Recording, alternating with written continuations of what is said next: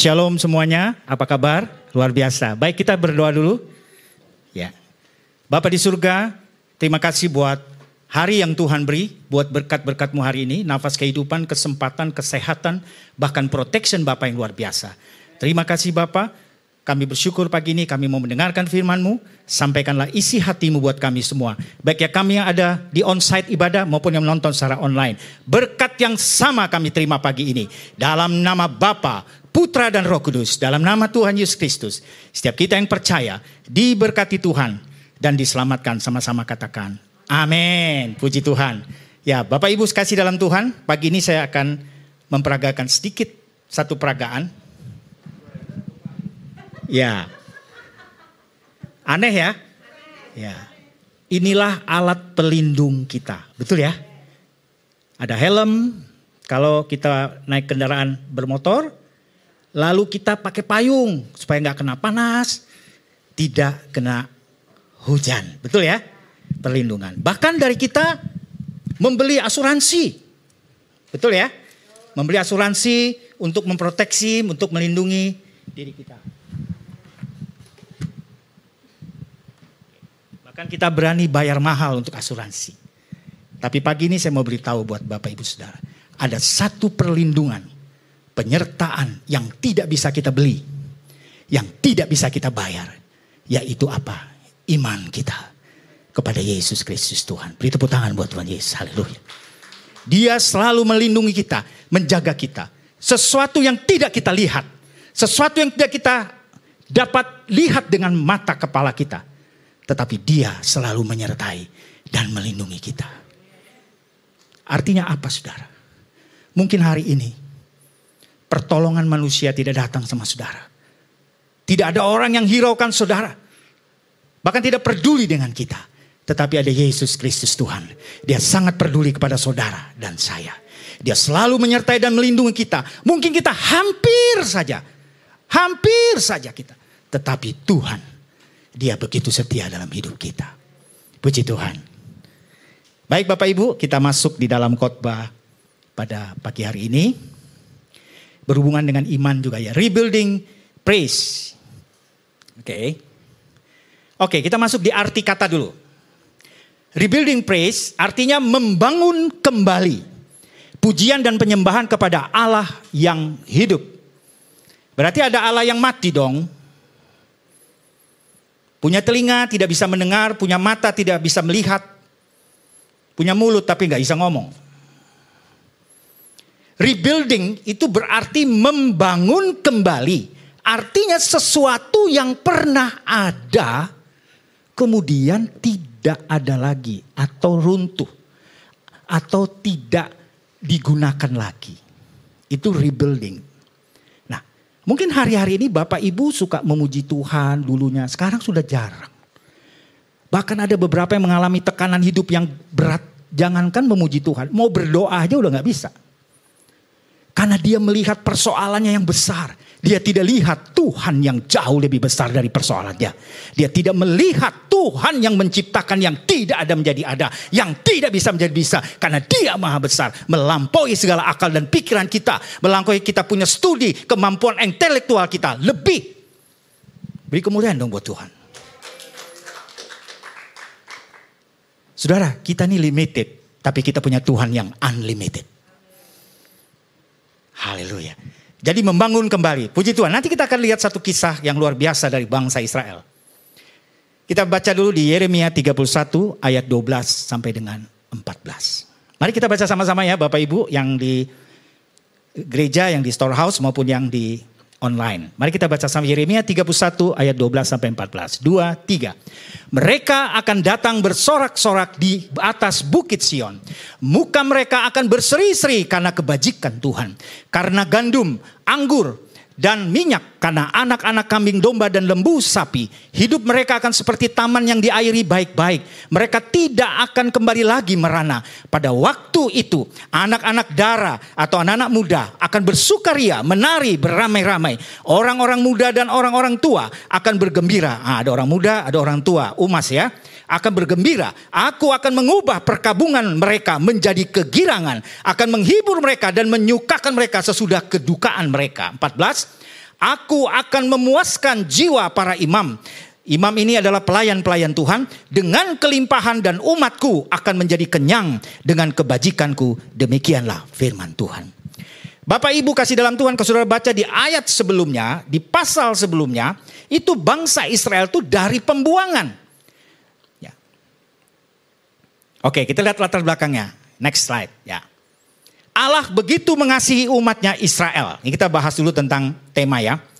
Ia memilih umatnya yaitu umat Israel. Bangsa pilihan itu menuntun dari Mesir sampai memasuki tanah yang subur dan penuh madu. Apa namanya tempatnya itu? Ka? Nah, mereka mendiami tanah yang Allah limpahkan bagi umatnya untuk menikmati kehidupan yang indah. Jadi dari Mesir di mana mereka dijajah. Berapa lama saudara di Mesir? Empat Ah ya wes, nggak apa-apa lupa ya. Oke bagus. Ya. Puji Tuhan ya. Jadi dari tanah Mesir di mana mereka jadi budak, mereka masuk ke tanah perjanjian yang begitu indah, ya. Allah berjanji untuk memberkati mereka senantiasa asalkan mereka setia kepadanya. Tuhan menghendaki umatnya hidup dalam sukacita dan damai sejahtera. Pengalaman hidup bersama Allah itu menjadi kekuatan bagi mereka untuk menyatakan karya Allah bagi semua bangsa. Next slide.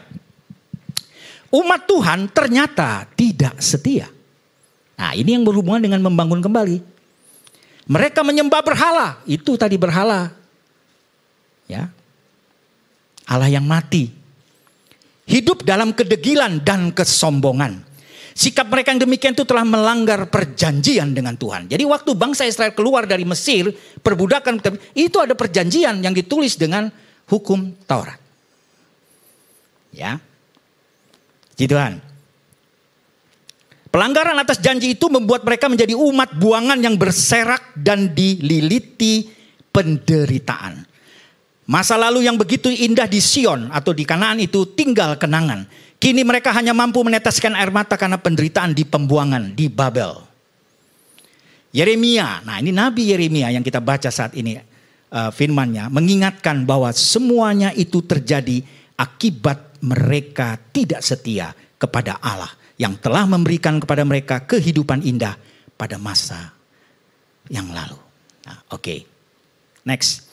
Dengan demikian, bangsa Israel dengan pengembalian bangsa Israel ke negeri perjanjian yaitu Kanaan. Umat Allah akan hidup bersama kembali di bawah berkat Allah dan membangun kembali hubungan dengan Allah. Setelah meyakinkan mereka akan pemulihan ini, Yeremia menyatakan bahwa Allah akan mengadakan suatu perjanjian baru yang lebih baik dengan umatnya dan janji masa depan kedatangan juru selamat yaitu Yesus Kristus.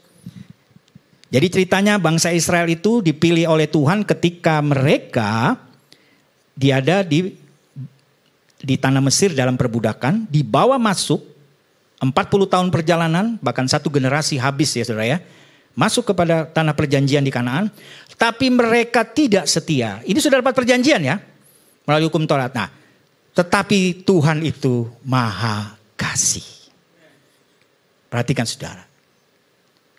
Kita mungkin punya masa lalu. Kita punya persoalan hidup kita yang lama. Wah kacau balau. Mungkin kalau ditulis itu dengan tinta yang merah. Tapi firman Tuhan berkata, walaupun dosamu semerah kermisi, akan dipulihkan seperti salju. Beri kemuliaan buat Tuhan. Haleluya. Siapa pun saudara yang menonton program ini, Yesus selalu melindungi dan menyertai kita semua. Ada satu perjanjian baru. Ketika hukum Taurat turun, dituliskan di loh batu. Betul ya? Siapa yang pernah nonton film Musa itu pasti tahu ya. Ditulis ada berapa batu? Satu atau dua? Eh, dua, oke. Jadi perjanjian lama ditulis oleh tangan Tuhan di kitab Taurat. Tapi perjanjian baru bukan ditulis lagi. Tapi Tuhan datang memberikan nyawanya buat saudara dan saya. Beri kemuliaan buat Tuhan. Haleluya, luar biasa saudara. Dia bukan hanya menulis saudara, dia berikan hidupnya buat saudara dan saya. Banyak orang baik, orang pintar. Tetapi waktu dia mau memberikan segalanya kepada orang, belum tentu. Tapi kita punya Tuhan Yesus yang luar biasa. Dia memberikan nyawanya buat saudara dan saya. Puji Tuhan. Haleluya. Oke, ada pertanyaan, bagaimana membangun kembali pujian dan penyembahan? Memang bulan ini atau di tahun ini kita bicara tentang rebuilding, membangun kembali, ya, puji Tuhan. Haleluya. Coba lihat kiri kanannya katakannya sudah bangun atau masih tidur. Eh, tepuk ya. Hmm, tapi nggak boleh aneh social distancing ya. Haleluya ya. Puji Tuhan ya. Oke, bagaimana membangun kembali pujian dan penyembahan?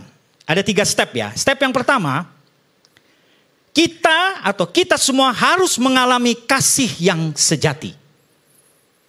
Kenapa saya katakan sejati? Sejati itu berarti utuh, holistik, menyeluruh. Nah, ada empat sini ya. Oke, nanti saya akan bahas. Yang pertama, itu kasih dari Tuhan. Yang kedua, kasih terhadap semua orang kudus.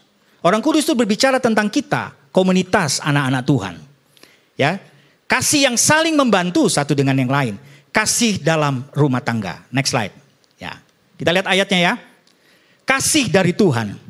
Kasih dari Yesus mengalir. Ada lagunya itu ya? Oke, ya. Hatiku, puji Tuhan ya. Efesus 4 ayat 15. Tetapi dengan teguh berpegang kepada kebenaran di dalam kasih. Jadi perhatikan saudara, ada kebenaran yang di dalam kasih. Kita bertumbuh di dalam segala hal ke arah Tuhan. Arah dia Kristus yang adalah kepala. Perhatikan saudara, Kristus Yesus adalah kepala kita. Amin. Ngomong sama-sama. Satu, dua, tiga. Yesus Kristus adalah kepala kita. Ya. Berarti dia harus menguasai pikiran kita. Kalau bangun pagi mikirin siapa? Bangun pagi mungkin kompor, oh sarapan, kopi, teh, dan kawan-kawannya diinget. Semua diingat itu. Bangun bukan, oh Tuhan, puji Tuhan saya masih ada nafas. Haleluya, betul ya? Begitu setelah bangun pagi, oh haleluya, puji Tuhan, haleluya. Ya gitu ya. Bangun pagi, oh nasi goreng, nasi campur dan sebagainya kawan-kawannya. Haleluya. ya, baru oh HP, ada lagi nih. Wah, bangun pagi, HP ku mana? HP ku mana? Wah, gitu. Bukan cari Tuhan, cari HP. Haleluya. Ya, nah, jadi Bapak Ibu saudara kasih dalam Tuhan, Kasih dari Tuhan, saya percaya kita semua mengalami kasih dalam Tuhan. Kita yang percaya yang sudah menerima Yesus sebagai Tuhan dan Juru Selamat dalam hidup kita. Berarti Yesus sudah ada di dalam hati kita. Dia sudah tinggal di dalam hati kita. Cuman kadang-kadang kita tidak on sama dia. Sama dengan HP saudara simpan di tas tapi saudara matikan. Punya HP punya, punya Yesus punya tapi nggak on.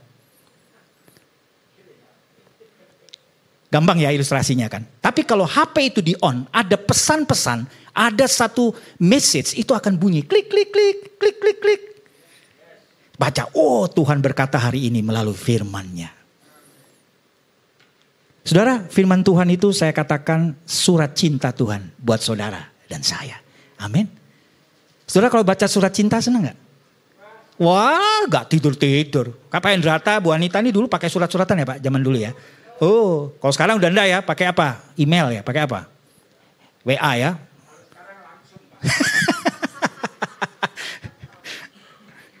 nah, kirim surat itu kalau baca surat cinta bisa enggak tidur, Saudara. Tapi berapa banyak orang baca Alkitab ketiduran, Saudara ya? Haleluya. Enggak apa, kita fair saja. Nah, Bapak Ibu kasih dalam Tuhan, begitukah kita mengalami kasih Tuhan? Orang yang mengalami kasih Tuhan, dia akan selalu bersuka cita, dia akan selalu memuji menyembah Tuhan, dia selalu berkata-kata hal yang baik, dia selalu mengucapkan kebenaran kepada siapa pun. Itu orang yang mengalami kasih Tuhan. Puji Tuhan, siapa yang sudah mengalami kasih Tuhan? Angkat tangan. Puji Tuhan, ketikan saya mengalami kasih Tuhan yang menonton online, saya mengalami kasih Tuhan. Wah, itu tidak bisa dibeli saudara. Nggak bisa saudara bayar berapa. Tetapi karena kasih karunia Tuhan. Kemurahan Tuhan dalam hidup kita. Bukan karena keusaha kita. Bukan karena kemampuan kita. Tetapi karena Yesus yang memilih saudara dengan saya. Yohanes 15 ya. Bukan kamu yang memilih aku. Tetapi akulah yang memilih kamu kata Yesus. Kalau yang memilih sama yang dipilih bosnya siapa saudara? Yang milih dong berarti kepalanya, bos kita adalah Tuhan Yesus. Orang boleh ngomong apa saja tentang kita. Orang boleh berkata, wah kamu gak lama lagi. Wah paling hidupmu tinggal 10 menit. 20 menit SWS-SWS bablas yang gini katanya. Silakan. Wah kamu gak diberkati. Hidupmu begini-begini. Itu mulut manusia. Tetapi kita berpegang pada firman Tuhan. Di mana ada firman Tuhan, di situ ada kemerdekaan. Beri kemuliaan buat Tuhan. Haleluya.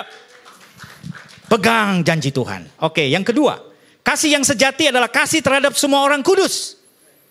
Ya. Tapi ini bukan nama kota ya, Saudara ya.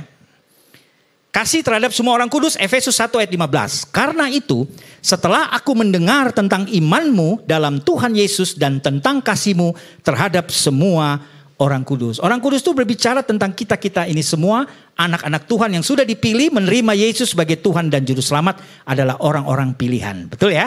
Makanya gereja itu artinya adalah di mana orang-orang yang terpilih itu berkumpul memuji menyembah Tuhan. Coba lihat kiri kanannya, wah orang kudus ini hebat. Ya, kasih jempol. Nah, apakah kita mengalami dalam komunitas kita kasih itu? Kebersamaan kita. Makanya di gereja itu di samping kita beribadah juga ada kelompok yang lebih kecil lagi supaya ngomongnya lebih mudah. Kalau gereja kan banyak ngomongnya susah banyak orang kan.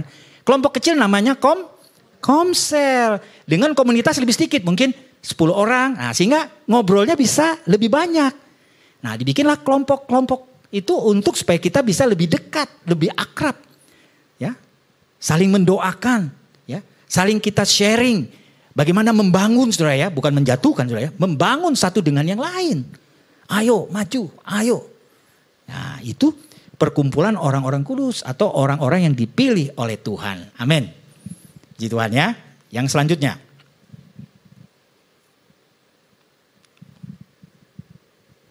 Yang selanjutnya kasih yang saling membantu. Efesus 4 ayat 2. Hendaklah kamu selalu rendah hati, lemah lembut dan sabar Tunjukkanlah kasihmu dalam hal saling membantu. Sampai sini yang pernah membantu temannya? Angkat tangan. Ah, Anda pasti diberkati.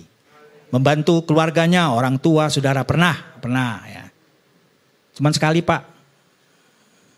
Terus setelah itu lupa, tidak pernah lagi. Ah.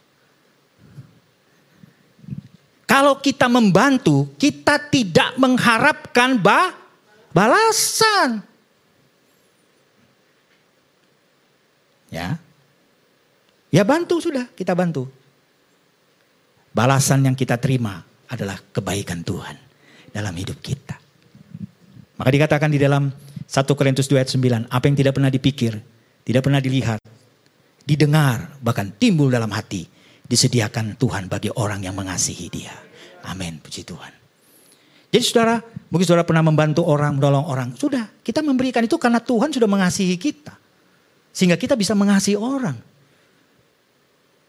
Kita tidak menuntut balasan, tapi Tuhan bisa memberkati kita dengan cara yang Tuhan punya. Tidak usah khawatir saudara. Puji Tuhan. Beritahu kiri kanannya, Tuhan pasti menolong engkau. Ya, Tuhan pasti menolong. Yang hari ini lagi ngomong, uh, uh, uh, saya lagi susah nih Pak Pendeta, enggak tahu ya. Iya, memang saya enggak tahu. Tapi Tuhan tahu persoalan saudara. Tuhan tahu keadaan saudara hari ini. Mungkin saudara ada yang di rumah sakit hari ini nonton. Saudara mungkin sedang terbaring. Saudara mungkin sedang krisis ekonominya, pekerjaan, bisnisnya. Mungkin lagi cari kerja. Tapi saya mau beritahu buat saudara pagi ini. Yesus Tuhan yang saudara imani dan percayakan. Itu dia akan menolong saudara. Ji Tuhan. Oke yang selanjutnya. Kasih yang sejati adalah kasih di dalam rumah tangga. Nah. Efesus 5 ayat 33. Sebenarnya ayatnya banyak ya, ini dari ayat 25. Cuman karena kebanyakan slide-nya saya tulis yang terakhir aja. Bagaimanapun juga, bagi kamu masing-masing berlaku, kasihilah istrimu seperti dirimu sendiri. Dan istri hendaklah menghormati suaminya. Nah, jadi hubungan suami istri dalam rumah tangga itu sangat penting karena berpengaruh terhadap anak-anak. Betul ya? Nah, Anak-anak bisa menghormati orang tua, menghargai orang tua kalau sikap orang tua juga memberikan efek yang sama kepada anak-anak. Ya. Nah, apakah Bapak Ibu Saudara yang di tempat ini mengalami kasih dalam keluarga? Ah? Jangan-jangan yang satu tidurnya suami ngadep tembok kiri, timur, yang satu tembok barat. Anaknya ngadep selatan, yang satu utara. Wah kayak arah mata angin ini keluarganya ya. Bangun pagi tidak teguran. Wah mau sarapan? Ada sarapan? Ada. Tuh ambil sendiri. Hmm, ambil sendiri. Pakai bibirnya. Hmm. Suaminya kok. Pak sarap, mau sarapan? Ambil. Hmm. Bibir monyong 5 cm saudara ya. Jangan saudara. Alami kasih Tuhan. Komunikasi suami istri yang baik. Anak-anak kakak beradik juga yang baik. Kalau ada warisan ya diatur yang baik. Jangan ribut-ribut. Ribut-ribut warisan tanah semeter. Masuk neraka gara-gara tanah sak. Betul kan? Banyak orang itu ribut. Karena gara-gara warisan. Saya pernah pengalaman mendoakan satu orang. Dia kena penyakit itu kaki gajah. Ya, kaki gajah pasti besar ya. Kakinya besar. Baru ada bisul di belakang yang besar sekali. Waktu saya dekati saya mau doakan. Istri di sebelah dengan anaknya. Menangis. Pak Pendeta tolong doakan suami saya. Suami saya ini tidak mau mengampuni. Dia dendam sama adiknya. Kenapa? Karena harta warisan itu sudah dibagi oleh orang tua. Tetapi adiknya mematok tanah itu lebih semeter. Keambil tanahnya dia semeter. Sampai hari ini hampir tiga tahun. Dia tidak bisa marah, dia tahan jadi penyakit. Karena dendam. Jangan simpan dendam saudara. Simpan duit yang bagus saudara. Bisa ada untung saudara. Kalau simpan dendam, tidak ada untung. Encok-encok, cekot-cekot saudara. Sakit penyakit yang datang dalam hidup kita. Jangan simpan dendam, saudara. Dia bilang, Pak kami doakan. Tapi Bapak harus mengampuni dulu. Biar saya doakan tumpang tangan, tumpang kaki. Tidak bisa kalau sudah Bapak tidak mengampuni. Lepaskan pengampunan. Ngomong, eh, eh, nggak bisa. Ngomong Pak, ngomong. Kita doakan. Bapak dikasihi Tuhan. Kalau Bapak diampuni sama Tuhan mau, saya mau diampuni Tuhan. Maka sebapak harus mengampuni sesama bapak, keluarga bapak. Ya, nanti saudara baca Yohanes 6, eh sorry Matius 6 ayat 14. Jika kamu mengampuni samamu, Bapak di surga juga akan mengampuni kita. Dan hari itu, maaf saudara, bisulnya pecah, kaki gajahnya turun. Dalam hanya waktu satu jam, dia sehat dan dia melayani Tuhan. Beri kemuliaan buat Tuhan. Apa yang tidak mungkin bagi manusia, itu menjadi mungkin bagi Tuhan. Makanya saya kasih pertama itu adalah iman itu adalah pertolongan yang tidak kita lihat. Ora ketok kata bahasa Jermannya ya. Tidak kelihatan. Tetapi dia punya kuasa yang besar. Kita perlu juga dong pakai helm. Harus. Tapi ada satu perlindungan yang tidak kita lihat. Yaitu iman kita kepada Tuhan Yesus. Tidak pernah sia-sia. Puji Tuhan. Haleluya. Baik masuk yang kedua. Jadi yang pertama tadi kasih yang sejati. Yang kedua Saudara mau membangun pujian saudara harus yang yang selanjutnya adalah mengucap syukur. 1 Tesalonika 5 ayat 18. Saya mau tanya sama Bapak Ibu, kita baca dulu ini ya. 1 Tesalonika 5 ayat 18. Mengucap syukurlah dalam segala hal. Sebab itulah yang dikehendaki Tuhan Allah di dalam Kristus Yesus bagi kamu. Dalam terjemahan yang lain, mengucap syukurlah dalam segala keadaan. Keadaan itu ada berapa macam Bapak Ibu? Ada dua. Dua, keadaan yang baik dan yang tidak baik. Mudah nggak mengucap syukur di keadaan yang baik? Mudah ya? Wah, anak saya lulus, puji Tuhan. Dapat gaji naik, puji Tuhan. Ya kan? Usaha saya buka bisnis yang baru, puji Tuhan. Bagus. Begitu datang masalah. Tiba-tiba anak saudara yang kelihatannya sehat, tiba-tiba didiagnosa dokter kena penyakit tertentu. Bisa mengucap syukur? susah ya. Mungkin saya juga susah. Ya. Tetapi firman bilang harus mengucap syukur dalam segala hal. Tunggu saya minum dulu ya.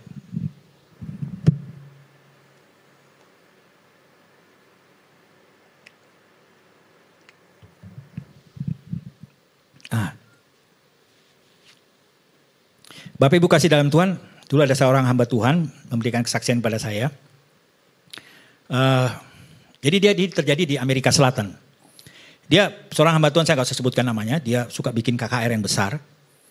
Yang datang tuh bisa 10 ribu, 20 ribu orang datang. Dibikinnya di stadion sepak bola. Karena di daerah Amerika Selatan tuh terkenal dengan sepak bola ya. Ada Brazil, ada Argentina. Jadi dia bikin KKR yang besar. Waktu itu dia berangkat dari United States, dari Amerika, salah satu kota. Nah, waktu dia naik pesawat itu, tiba-tiba sudah uh, terbang sekitar satu jam, tiba-tiba um, dua mesin pesawat, dua mesin ya pesawatnya ya, ada satu yang sebelah kanan itu terbakar. Tiba-tiba meledak, duar gitu, langsung oleng pesawatnya. Lalu pramugarinya dan semuanya berdiri di depan. Bukan mereka di berdiri, tapi sambil ketakutan, tidak bisa ngomong semua. Saudara, ini sudah mereka ini orang-orang yang terlatih, ya yang di awak kabin itu terlatih. Tapi belum tentu kalau ada satu kejadian mereka siap, belum tentu juga. Iya kan? Kita pun begitu, wah dalam Tuhan kita kuat. Begitu ada masalah belum tentu. Saudara. Nah, mungkin kekuatan saudara hanya kelihatan dari luar, di dalamnya semuanya rapuh. Nah ini yang kita harus belajar. Apa pun yang terjadi kita tetap kuat. Akhirnya terbakar itu. Baru hamba Tuhan ini dia duduk dia berdoa. Uh sudah cukup umur ya hampir sekitar 70-an tahun. Apa yang terjadi saudara? Dia berdiri. Pesawatnya biasanya kalau satu mesin masih bisa terbang ya. Ada saya pernah tanya juga sama pilot kalau satu mesin masih bisa cuman ketinggiannya diturunkan ya sampai pelan. Apa yang dilakukan? Karena tidak ada semua sudah teriak, wah sudah ramai, sudah tidak ada. Tidak ada siapa pun. Berdirilah hamba Tuhan ini di depan dan dia berdoa. Tuhan saya ini mau melayani. Saya mau membuat KKR panitia sudah siap, keluar biaya banyak, orang sudah kumpul. Saya percaya Tuhan pasti bawa saya ke sana. Dan saya pasti selamat. Puji Tuhan, hanya mereka mendarat darurat. Pesawatnya tiba dengan selamat. Lalu mereka ganti pesawat. Nah ganti pesawat kan cari masing-masing. Tapi ada satu ibu itu ngikutin hamba Tuhan dari belakang nguntil jadi ke mana. Akhirnya terus dia tanya, why you follow me? Kenapa kamu mengikuti saya? Karena saya percaya, kok sama kamu saya pasti selamat katanya. Karena kamu punya Tuhan Yesus. Beri tepuk tangan buat Tuhan Yesus. Haleluya. Bapak Ibu kasih dalam Tuhan. Ketika bukan hebatnya hamba Tuhan itu. Tetapi siapa yang ada di hamba Tuhan itu. Itu yang hebat. Sekarang yang ada di saudara. Siapa yang di dalam hidup saudara. Kita punya Tuhan Yesus. Katakan. Yesus ada di dalam hidupku. Dan tidak akan pergi dan dia selalu ada dalam hidup saya. Dia menguasai pikiran saya, hati saya, bahkan tubuh jiwa roh saya ada dalam kuasanya. Saudara kita ini manusia ya ampun, kena angin sedikit aja sudah kokehe katanya. You understand about kokehe? batuk itu loh. Wah saya hebat. Tidak ada lah manusia ini, kasihan deh loh. Kita butuh Tuhan dalam hidup kita. Amin. Kita butuh Tuhan. Puji Tuhan. Nah, mengucap syukur dalam segala hal, sebab itulah yang dikehendaki Allah Ya, dikendaki Allah di dalam Kristus Yesus bagi kamu. Jadi kita harus mengucap syukur. Hari ini mungkin usaha saudara uh, terganggu, omsetnya turun. Berdoa puji Tuhan, pasti Tuhan punya rencana yang besar. Amin. Punya rencana yang besar. Apa pun yang terjadi, Tuhan selalu melindungi kita asal kita setia kepada Tuhan.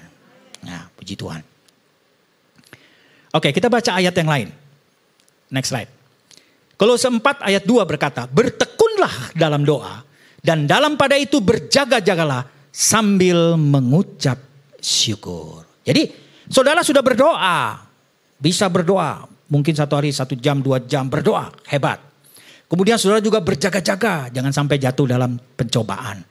Tetapi harus sambil mengucap syukur, jangan bersungut-sungut seperti bangsa Israel.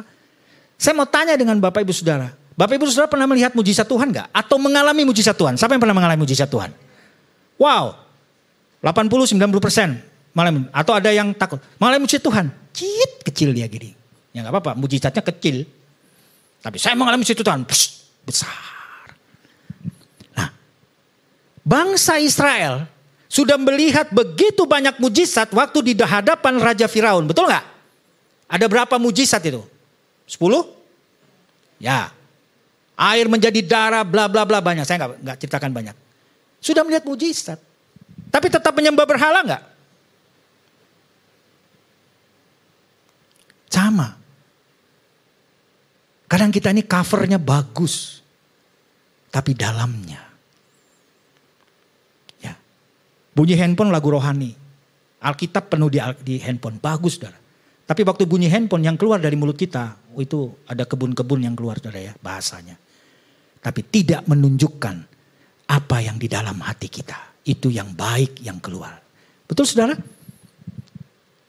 Tidak mungkin satu mata air mengeluarkan dua jenis air. Ada air asin atau air tawar. Satu mata air itu pasti kalau air tawar, air tawar saja. Asin atau asin. Sama. Sumber hidup kita adalah Yesus Kristus. Oleh sebab itu yang keluar dari kita adalah firman Tuhan. Adalah kuasa Tuhan. Amin. Bertekunlah dalam doa saudara. Percaya Bapak Ibu Saudara kasih dalam Tuhan. Mengucap syukur selalu. Oke, puji Tuhan. Mau mengucap syukur? Ah, Kasih tahu kiri kanannya mengucap syukur ya. Ucap syukur. Mau senyum tapi nggak kelihatan ya, tutup masker ya. ya. Buka. mengucap syukur, puji Tuhan. Tapi kelihatan matanya ya. Mengucap syukur tapi bukan mengucap syukur ya. Itu sih nakutin ya mengucap syukur ya. Haleluya. di sini tidak ada sudah ya. Di luar sana apa? Di dalam-dalam di goa-goa ya banyak ya. Di sini tidak ada. Puji Tuhan. Haleluya. Yang ketiga. Ah ini baru kita masuk makin mendekat. Apa itu sih pujian dan penyembahan, rebuilding praise? Bagaimana membangun pujian? Waktu bangsa Israel, mereka memuji Tuhan waktu keluar dari tanah perbudakan di Mesir, memuji Tuhan, wow, wow, wow, sampai di tanah perjanjian. Habis itu mereka lupa tidak setia, dibuang ke Babel. Ya nggak memuji Tuhan lagi. Makanya ada satu perjanjian baru. Yaitu pujian dan penyembahan. Kita baca ayatnya Mazmur 100 ayat 4. Ayo kita baca sama-sama. Dua, tiga.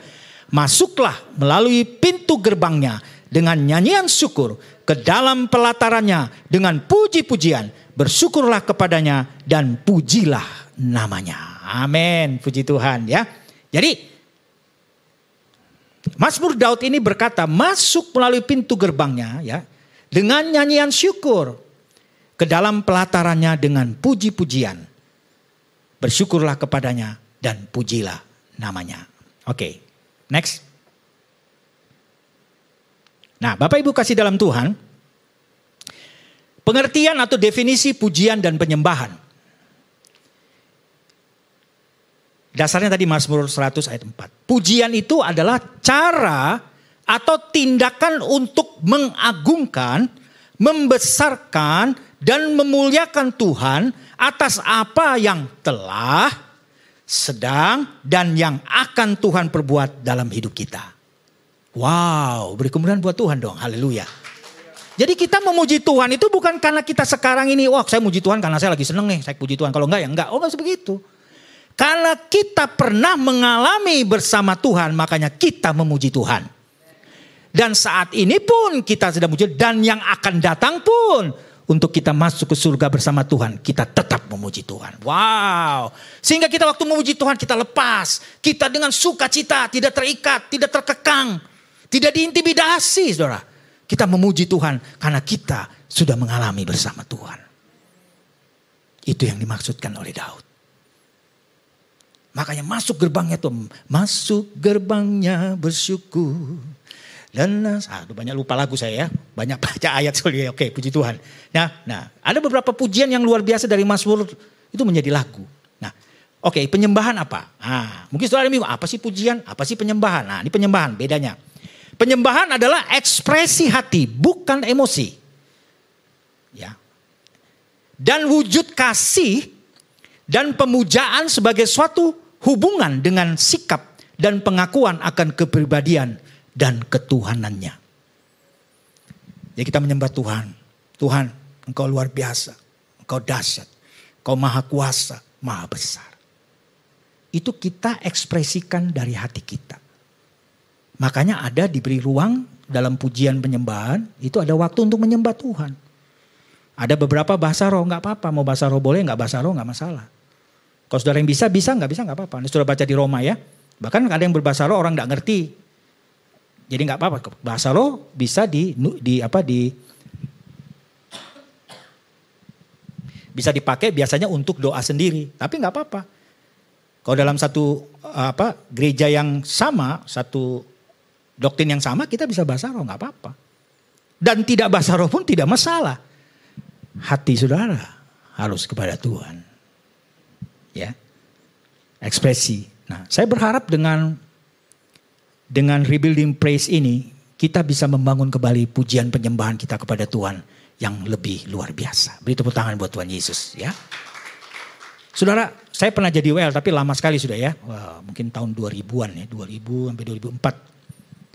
Ayo cuma WL-nya sudah narik. Ayo angkat suaramu goyang. Kira-kira. Baru dia gini, baru pikirannya ke mana-mana gitu kan besok saya mau anu. Oh sudah selesai kah? Oh, nah kita tidak fokus kepada pujian dan penyembahan yang di gereja. Padahal kita sedang dikatakan tadi suatu tindakan mengagungkan Tuhan. Pujian itu. Membesarkan nama Tuhan. Bagaimana kita mau membesarkan nama Tuhan? Saudara, kalau kita nonton, nah siapa suka sepak bola? Football, wah M, main MU lawan siapa? Uh, lawan siapa? Borneo. Haleluya. Oke, jadi Manchester United lawan Chelsea misalnya. Coba saudara kau nonton sepak bola. Ini yang cowok-cowok biasanya. Wuh, teriak-teriak. Wah, wuh, serang. Wuh. Bol. Ya kan? Teriak-teriak. Yes. Tapi di gereja begitu memuji Tuhan. Masuk gerbangnya. Kok nggak nggak ini ya? Pada Tuhan itu yang memberi kita kehidupan, memelihara kita, melindungi kita. Kenapa kita tidak bisa lebih bersuka cita kepada dia? Beri kemuliaan buat Tuhan yang paling keras. Haleluya. Dia lebih dari segalanya saudara. Lebih dari sebuah pertandingan. Lebih saudara. Dia lebih saudara. Menyembah, menyembah dengan sungguh-sungguh saudara. Dengan segenap hati, segenap jiwa, dan segenap akal budimu. Ya, Sembah dia, tinggikan namanya. Muliakan namanya dengan segenap hati. Berapa banyak orang yang ketika datang ke gereja, sakit mungkin kakinya, mungkin pikirannya lagi stres, mungkin tangannya sakit atau punya sakit di dalam perut, sakit mah, memuji Tuhan. Begitu selesai ibadah pujian penyembahan, dia mengalami mujizat Tuhan. Beri kemuliaan buat Tuhan sekali lagi. Tidak ada yang mendoakan, tidak ada yang tumpang tangan, tapi Tuhan beracara dengan dia. Yang menonton program ini juga, saat ini kau saudara sedang memuji Tuhan, menyembah Tuhan, sembah dia dengan sungguh-sungguh. Puji dia dengan sungguh-sungguh, mujizat pasti terjadi. Hari Senin, saudara pulang, yang mengirim lamaran dipanggil untuk bekerja. Karena waktu hari Minggu dia memuji Tuhan dengan sungguh-sungguh. Yang tidak ada job, bakat job. Yang tidak ada tender pada hari Minggu, dia memuji Tuhan sungguh-sungguh. Dia tidak minta apa-apa. Saya cuma mau puji Tuhan aja. Biar aja hidup saya sebagai Tuhan. Saya nggak ngerti aja Tuhan tolong kok. Kita ini dulu nggak ngerti Tuhan aja Tuhan tolong kita. Apalagi sekarang kita sudah tahu. Itu luar biasa Tuhan kita. Yang besok gak ada, yang hari minggu-minggu tidak ada project. Ketika memuji Tuhan hari minggu sungguh-sungguh. Besok Senin dapat project. Wah luar biasa. Wah, ada dapat jodoh katanya opa. Haleluya ya. Memang agak sulit ya di masa social distancing ini ada yang bilang, Pak Pendeta, dulu aja nggak ada jaga jarak, susah dapat. Apalagi suruh jaga jarak, susah dapat. Haleluya. Jadilah kehendak Tuhan ya, bukan kehendak kita ya. Haleluya, puji Tuhan. Eh kita lanjutkan, puji Tuhan. Oke, next. Bapak Ibu kasih dalam Tuhan, pujian dan penyembahan hanya dia yang layak dipuji dan disembah. Amin. Hanya Yesus Kristus yang layak dipuji dan disembah. Ulangan 10 ayat 21. Mari baca sama. Dua, tiga. Dialah pokok puji-pujianmu dan dialah Allahmu. Yang telah melakukan di antaramu perbuatan-perbuatan yang besar dan dahsyat. Yang telah kau lihat dengan matamu sendiri. Wow. Uh, haleluya. Saudara, waktu saudara mengalami satu tekanan dalam hidup saudara, saudara mengalami satu keadaan yang tidak baik, saudara ingat pertolongan Tuhan. Ketika Tuhan menolong saudara, Tuhan yang sama pasti akan menolong kita. Asal kita mau rendah hati datang pada Tuhan. Tuhan, aku nggak sanggup Tuhan, aku nggak bisa. Aku terbatas. Tapi aku percaya aku punya Tuhan yang tidak terbatas. Melampaui akal dan pikiranku. Jadilah kehendakmu dalam hidupku. Amin. Terjadi saudara? Mungkin belum. Tetapi pasti terjadi. Waduh, luar biasa saudara. Beri kemuliaan dong buat Tuhan. Nanti di akhir khotbah saya mau berdoa buat saudara. Apa pun persoalan pergumulan saudara. Tuhan pasti menjawab doa saudara. Asal saudara tahu apa yang Tuhan pesankan buat kita semua. Dia adalah pokok puji-pujianmu. Berarti dia yang terutama. Yang terutama di dalam hidup ini.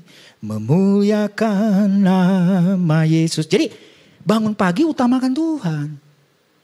Naik mobil bisa memuji menyembah Tuhan di mobil. Amin. Ya. Ada yang nyenggol-nyenggol sedikit mobilnya. Haleluya. Bukan. Nah ya. Baru pulang gereja nih Bawa mobil, toto sudah, mm, mm. baru haleluya langsung halelupa. Halilintar. Dan hal-hal yang lain ya saudara ya. Nah, jadi kita harus tahu bahwa Tuhan itulah pokok pujian kita. Dialah Tuhan kita yang telah melakukan perbuatan-perbuatan yang besar. Saudara, salvation, keselamatan itu perbuatan yang besar, saudara. Saudara dan saya ada di tempat ini yang nonton program ini juga. Saudara dan saya itu berharga di mata Tuhan. Kita ini tidak layak saudara sebenarnya. Tapi Tuhan memilih kita. Bukan karena kita hebat. Bukan karena kita jagoan. Bukan karena kita pandai. S1, S2, S3, S4 sampai STLR. Bukan itu saudara. Tetapi karena saudara dipilih Tuhan. Itu adalah otoritas Tuhan. Maka kita harus memuji dan menyembah dia. Terima kasih Tuhan. Engkau baik. Masih banyak orang dekat kita yang belum dipilih Tuhan. Kita berdoa. Tuhan kasihani mereka. Karena selubung yang di depan mereka belum terbuka. Kita berdoa supaya selubung itu terbuka. Semakin banyak orang yang menerima Yesus sebagai Tuhan dan Juru Selamat. Beri kemuliaan bagi Tuhan. Haleluya. Mungkin dia saudaramu, keluargamu. Mungkin tetanggamu. Nah, Saudara, bisa nggak tinggal di rumah memilih tetangga? Bisa nggak? Saya mau tinggal di rumah ini, nanti saya tetangganya harus begini-begini. Nggak bisa ya? Tapi ada yang bisa kita lakukan. Apa? Mengasihi tetangga. Itu pasti bisa. saudara tidak bisa pilih tetangga saudara siapa, tinggal di mana. Bisa, bisa. Oh saya tinggal di daerah sini. Dan berharap tetangganya itu yang baik. Belum, belum, belum gak bisa kita. Oh kasih gak senang sama kamu tetangga saya. Kamu pindah aja. Kan gak bisa. Tapi ada satu yang bisa kita lakukan. Mengasihi tetangga. Saya punya kisah sedikit ya. Oke. Okay. Ada waktu sedikit. Mengasihi tetangga Tangga saya itu udah pernah teguran sama saya waktu itu saya masih di Kalimantan. Tapi kami di rumah kami ada ada pohon mangga. Pokoknya kalau pagi keluar di teras tuh mukanya hmm, kayak apa ya? Uh, kayak balon tuh nggak pecah. Nah, terus waktu buah mangga kita, saya bilang sama istri saya, udah kita kasih tetangga kiri kanan. Dengan buah mangga mungkin 3-4 biji, itu tetangga bisa senyum sama kita. Saya tidak ngomong apa-apa, cuma saya suruh anak saya antar ke tetangga. Dibawakan buah, dia tidak nyangka. Mungkin dia punya pikiran yang tidak baik sama kita. Tetapi kita kita memberi hanya dengan mangga. Berapa sih harganya? Berapa sih nilainya? Tetapi itu kasih kita. Puji Tuhan, haleluya. Coba lihat sekali kanannya, eh memberilah kepada tetanggamu. Nah, ya. Dosa jauh-jauh, menginjili ke pedalaman, masuk ke jauhan. Tetangga aja dulu. Puji Tuhan. Nah, ya. Oke, next. Filipi 2 ayat 9 sampai 11. Saya minta pemain musik bisa maju.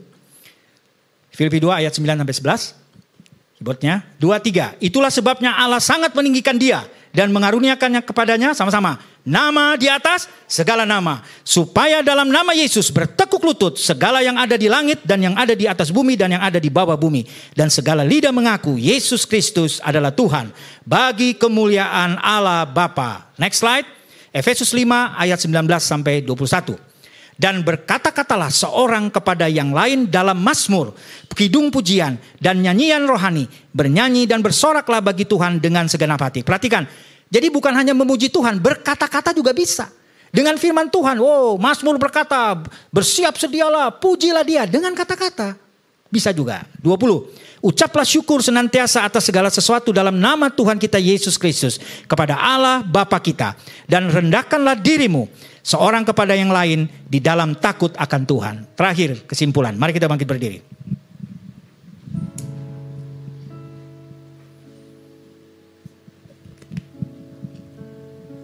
Kita baca sama-sama Mazmur 145 ayat 21, 2, 3. Mulutku mengucapkan puji-pujian kepada Tuhan.